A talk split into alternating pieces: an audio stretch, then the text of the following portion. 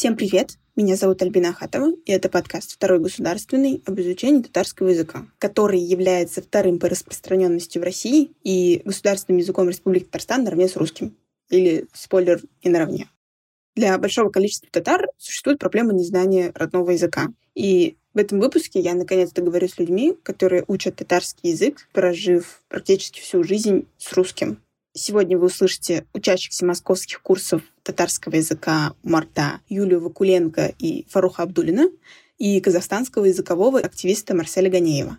Лично для меня, как уроженки Татарстана, было очень необычно осознать, что татары есть не только в Татарстане, потому что так мне всегда казалось по умолчанию. И поэтому я думала, что опыт у всех будет плюс-минус похожий на мой. В какой-то степени это оказалось так, но в то же время и совсем нет но оттого и интереснее. Мой папа татарин, а мама русская. Это казахстанский языковой активист Марсель Ганеев. Я родился и вырос на юге Казахстана, в городе Кентау. Растя в Казахстане, я ходил в русскую школу, и в семье мы говорили по-русски. Я сам гражданин другого государства, другого тюркоязычного, можно так сказать. Ну, гражданин Узбекистана, да. Это учащийся языковых курсов у Марта в Москве Фарух Абдулин. Сам я являюсь, конечно, татарином, и папа покойный татарин был, и мама татарка. Но никогда мы в семье не разговаривали ни по-татарски, ни по-узбекски. Для нас был русский язык всегда языком общения не только в семье, но и в общественной жизни. Моя мама татарка. Это Юлия Факуленко, учащаяся языковых курсов у Марта в Москве, и биоинформатик-вирусолог. Поэтому татарский язык присутствует в моей жизни. А, и так вышло, что мамина семья гораздо ближе нам. И хотя мы жили в Твери, то есть далеко от всех родственников, татарские родственники самую большую роль в жизни нашей семьи играли и играют. В детстве мы с папой немного говорили по-татарски. В основном такие фразы, как «я тебя люблю», «я по тебе соскучился», «дай руку», «принеси сахар». Такие фразы я знал. Но до 22-3 лет я не говорил по-татарски. По поводу татарского языка, то есть не было никогда у родителей цели заставить нас, хотя они сами прекрасно разговаривают между собой и на татарском языке, и на русском, и узбекский хорошо знают. Не то, что не заставляли, нам просто не давали. Ну, а зачем? Может быть, это какая-то советская идеология, установка вот эта вот. Зачем он нужен, если есть русский язык? Для меня сейчас это все очень больно, что я не, не знаю свой родной язык. В моей татарской семье говорят по-татарски все. И с детства дети, которые рождаются, с ними разговаривают на татарском. И это очень считается важным в моей семье, учить ребенка с детства разговаривать на языке.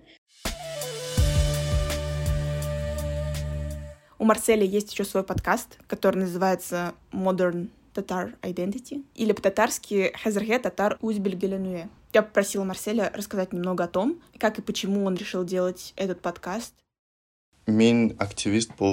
Будучи активистом, я общаюсь со многими интересными людьми. Это режиссеры, певцы, писатели, активисты.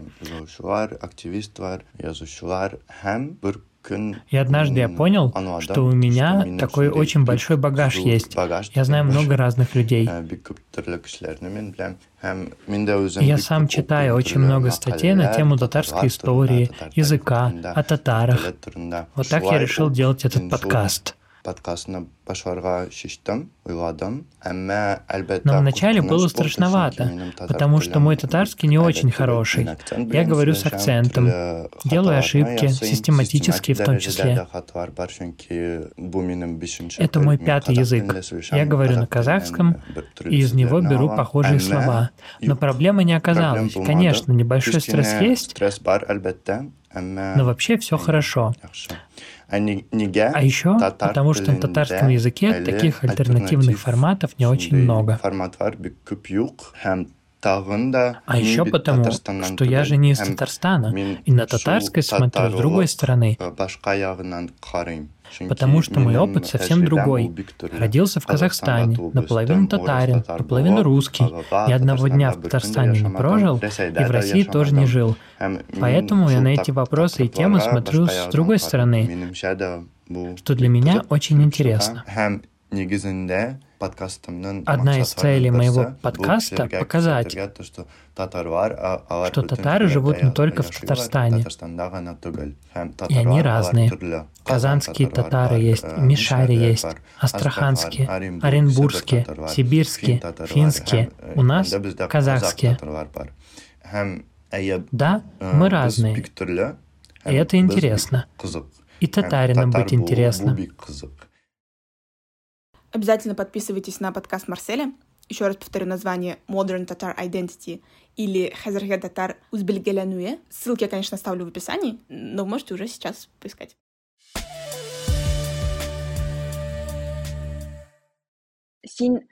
Когда ты начал изучать татарский язык?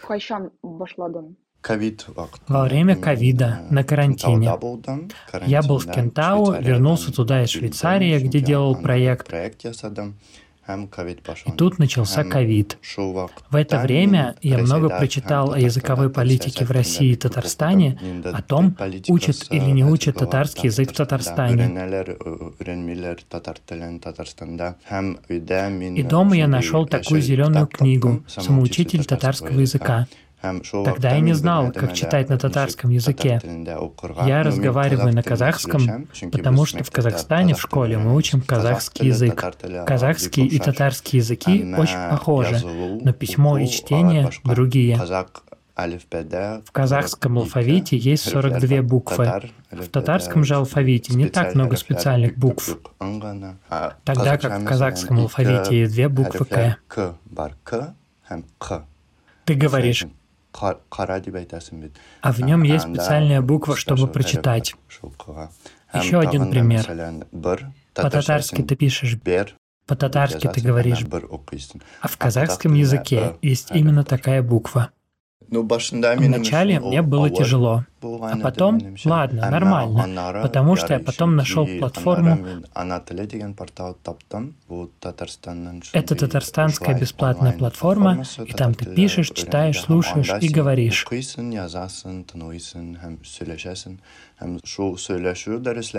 Уроки говорения для меня были очень важными и сильно помогли, потому что ты сидишь преподавателем в безличном формате, и чувства неловкости при говорении нет.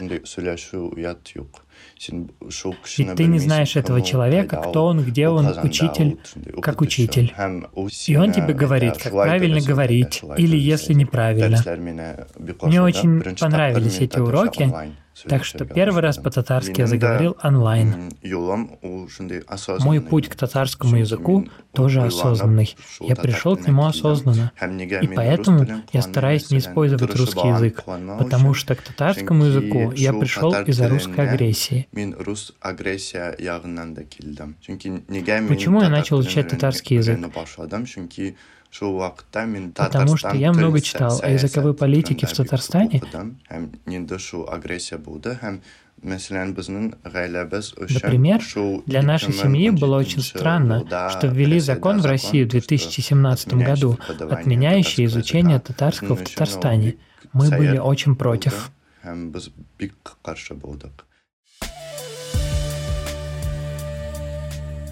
Как к вам пришла эта мысль, это осознание? Восстановить, вернуть, заново выучить свой родной язык, который, получается, никогда не знали. Я даже не могу вспомнить тот момент, когда вот просто ударил в голову. Не то, что прям вот э, сидел, сидел, этот раз так, молния в голову, и все, надо изучать татарский язык. На самом деле это был очень длинный путь, по капельке, по капельке где-то в голове оседало, что надо знать родной язык может быть, глядя на окружающих. То есть я-то не в вакууме живу, в интернете люди вокруг. И я понял, что другие люди, других национальностей, других народов знают свою историю, своих предков. Не личных в смысле, а вот народа своего. Могут спокойно разговаривать на разных языках. Через отрицание, да, я всегда считал себя более русским, нежели татарин. Для меня татарин это было графа в паспорте. У нас э, в паспортах внутренних э, есть эта графа национальность. То есть у меня так написано татарин. Для меня это была, ну, надпись в паспорте, ну, родители татары. В отношении татар, на самом деле, всю жизнь был такой мелкий подколки.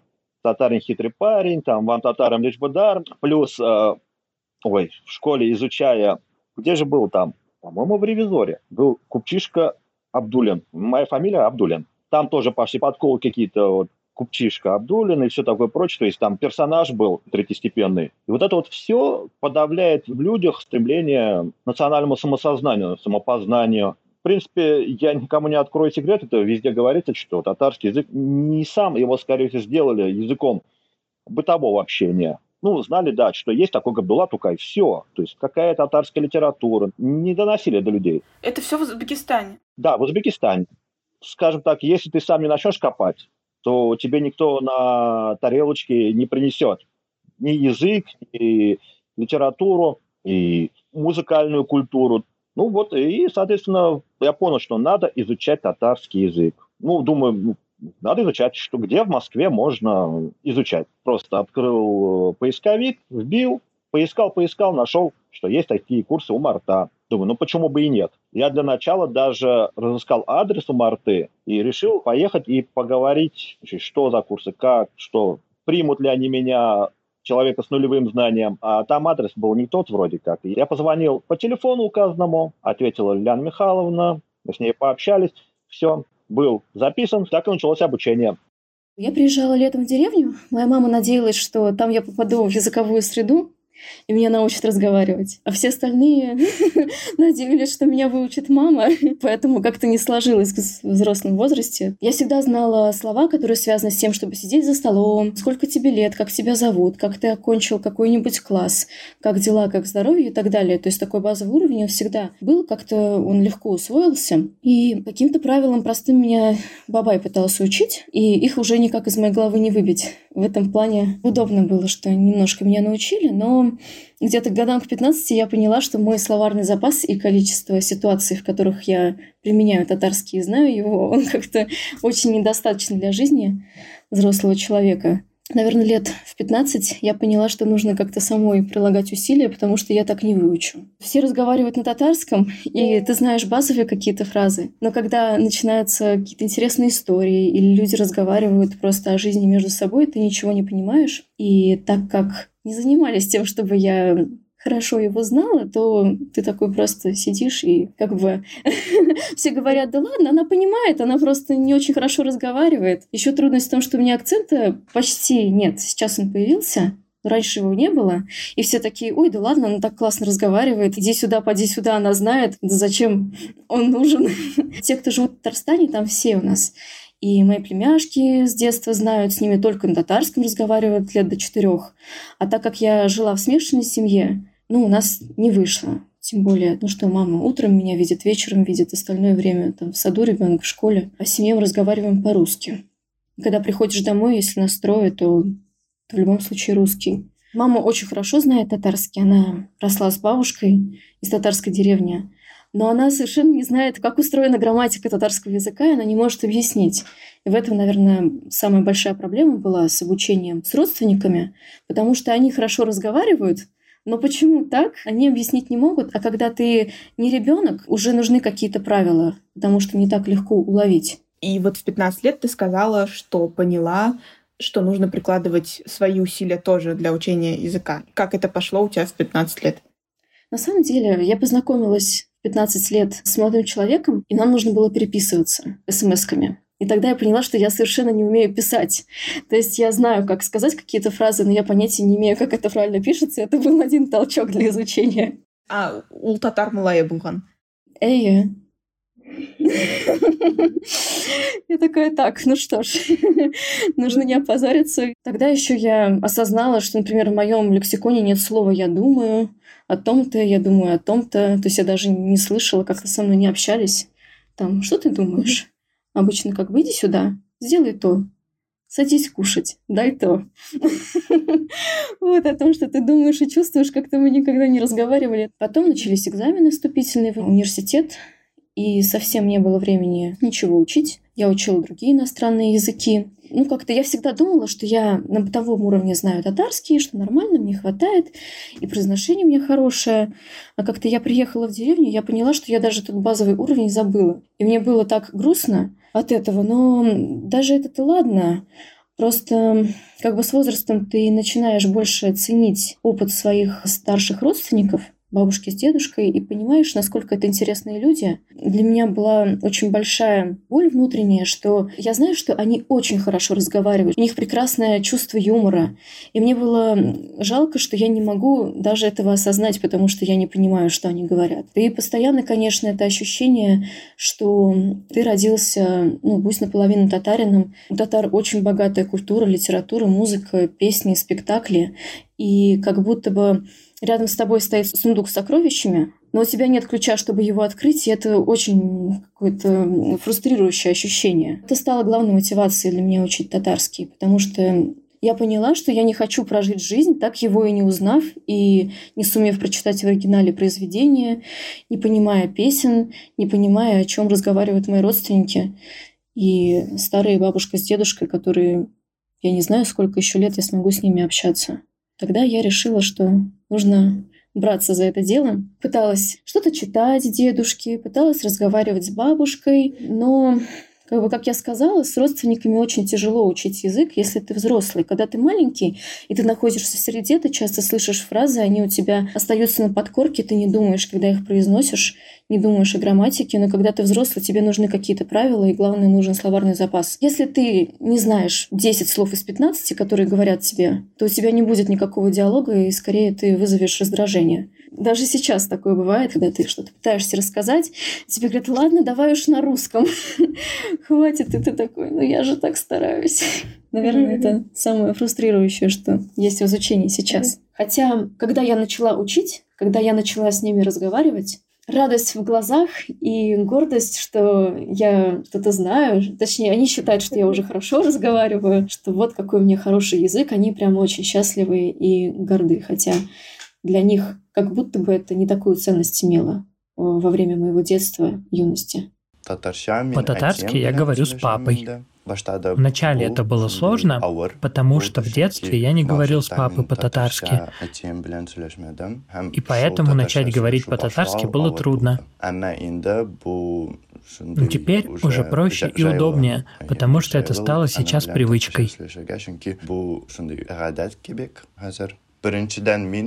Сначала я сам начал говорить по-татарски, потом мой старший брат начал вставлять в свою речь какие-то фразы, потом мой младший брат. И вот так я начал отатаривать свою семью.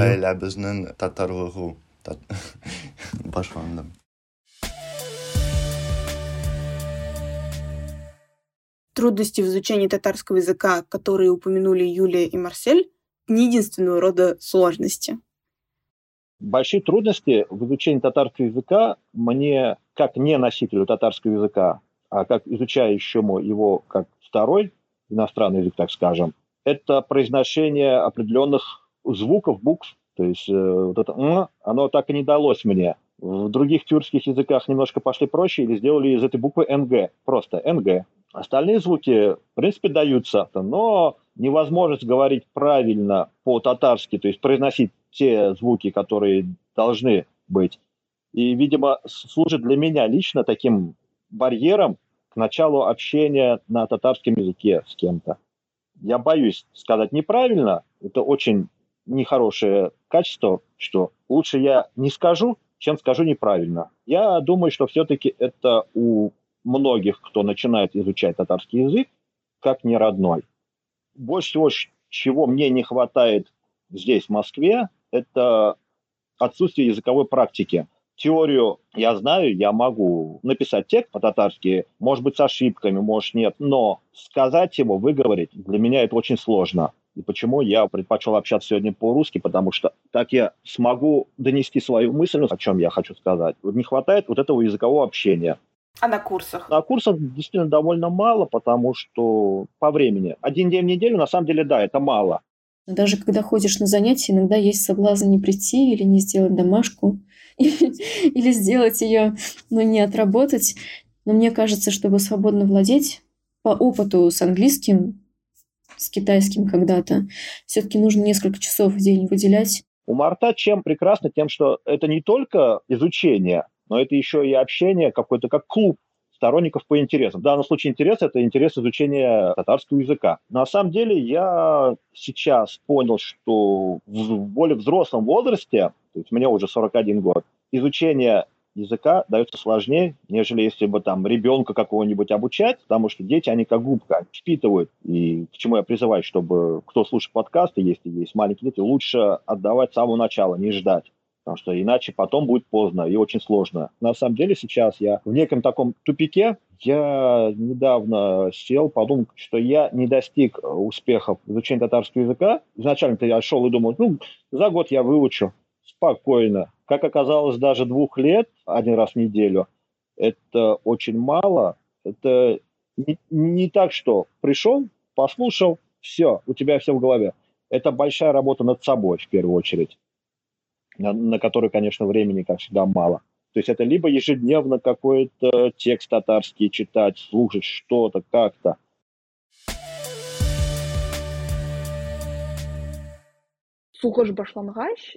После начала многие национальные меньшинства осознали свою татарскость, башкирскость, ставьте, в общем, нужное, и начали ее в себе искать, интересоваться культурой, историей, языком своей национальности. Из-за этого я испытываю чувство самозванца, потому что я думаю о том, что если бы война не началась, как бы долго мы это все не осознавали.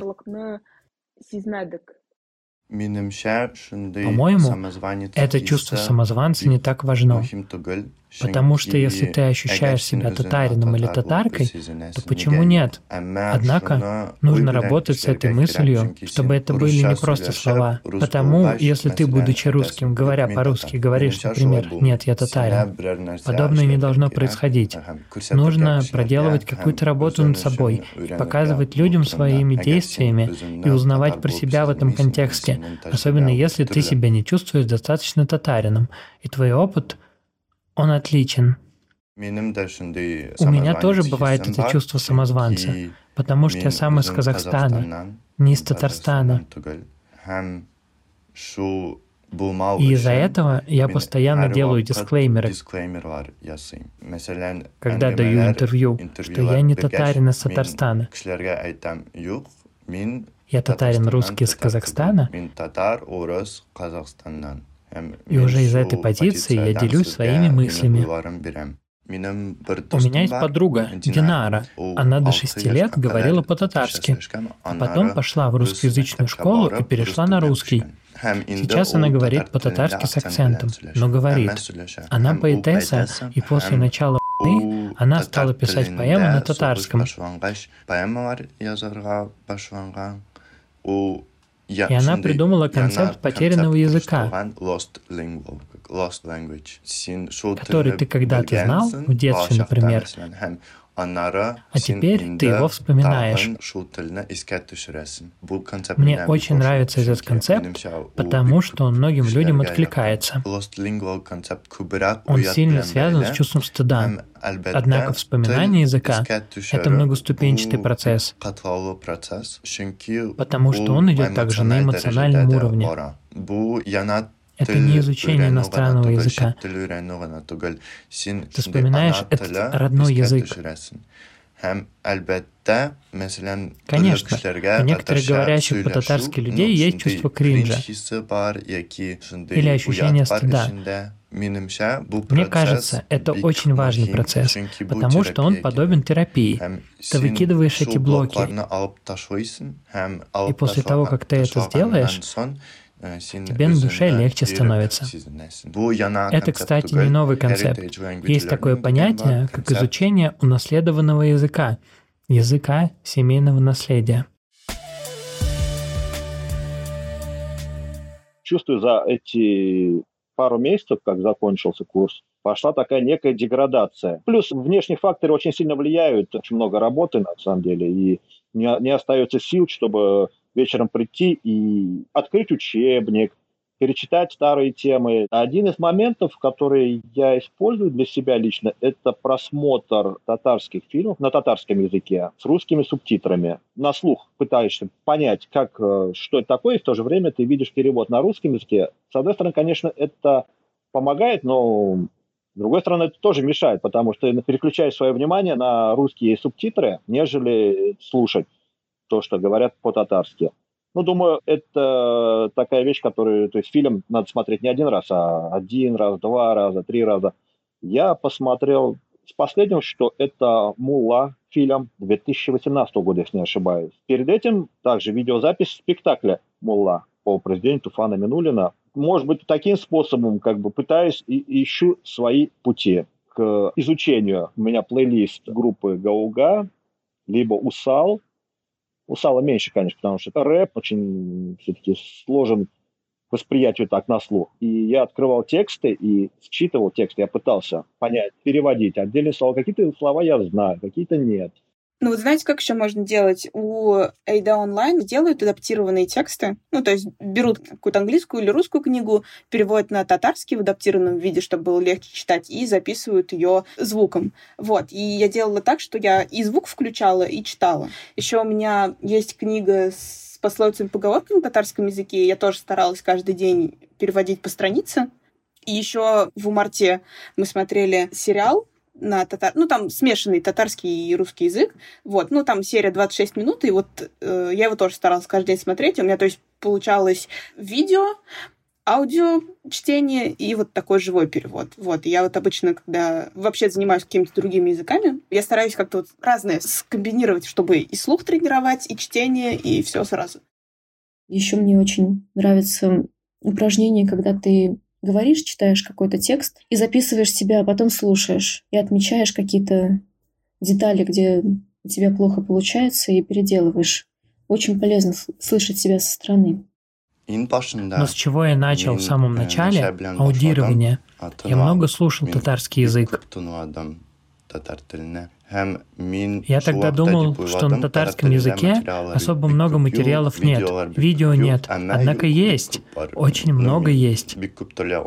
Я много онлайн-материалов разных нашел. По этой причине я начал вести телеграм-канал, чтобы показать людям, смотрите, сколько материалов на татарском языке есть, так что это не проблема.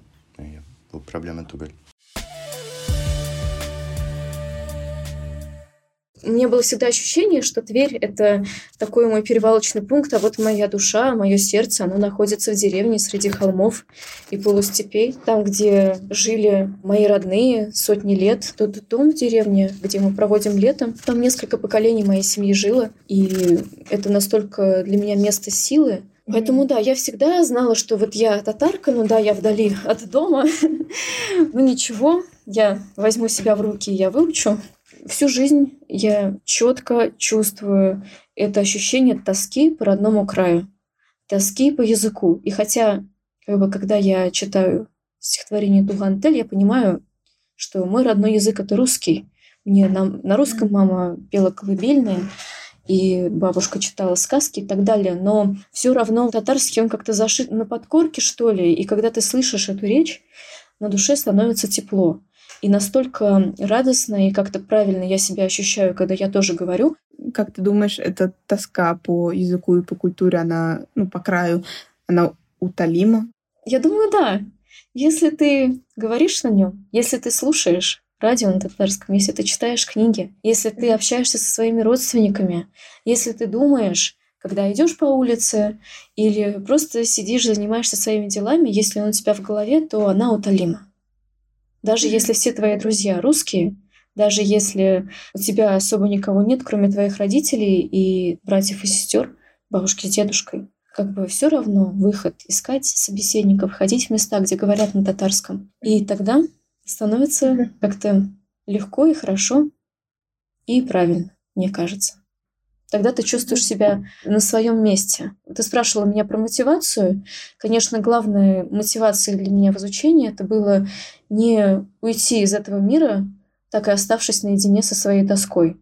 Вот точно чего я не хочу. Mm. Так это прожить жизнь и сказать, а у меня была возможность выучить его, у меня была возможность говорить с бабушкой и дедушкой, у меня была возможность столько всего нового узнать, а я не узнала, потому mm. что выбрала что-то другое. И выход из этого вот. один — просто брать себя в руки и начинать учить. Это единственный способ да.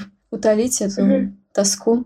И я желаю всем удачи и сил на этом пути. Бывают неудачи, но все же, мне кажется, это очень здорово, что у людей есть интерес, и надеюсь, что у нас, у тех, кто живет вдали от Татарстана, будет много возможностей общаться друг с другом. На этом все.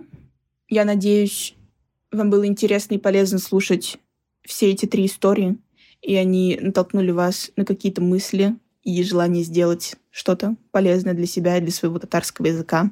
На следующей неделе выйдет этот выпуск на татарском языке, а еще через неделю совсем новый выпуск. Подписывайтесь на подкаст, чтобы не пропускать новые выпуски. Ставьте лайки, пишите ваши отзывы и мысли. С вами был подкаст «Второй государственный» и я его ведущая Альбина Ахатова. До скорого, пока.